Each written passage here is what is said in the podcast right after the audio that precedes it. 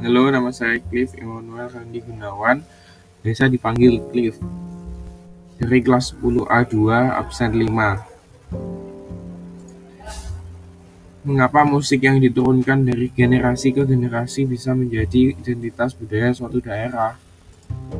Karena musik yang sudah berasal dari nenek moyang sudah menjadi ciri khas daerah masing-masing, sehingga generasi-generasi berikutnya mengembangkan dan melestarikan musiknya sehingga menjadi identitas suatu daerah tersebut. Terima kasih.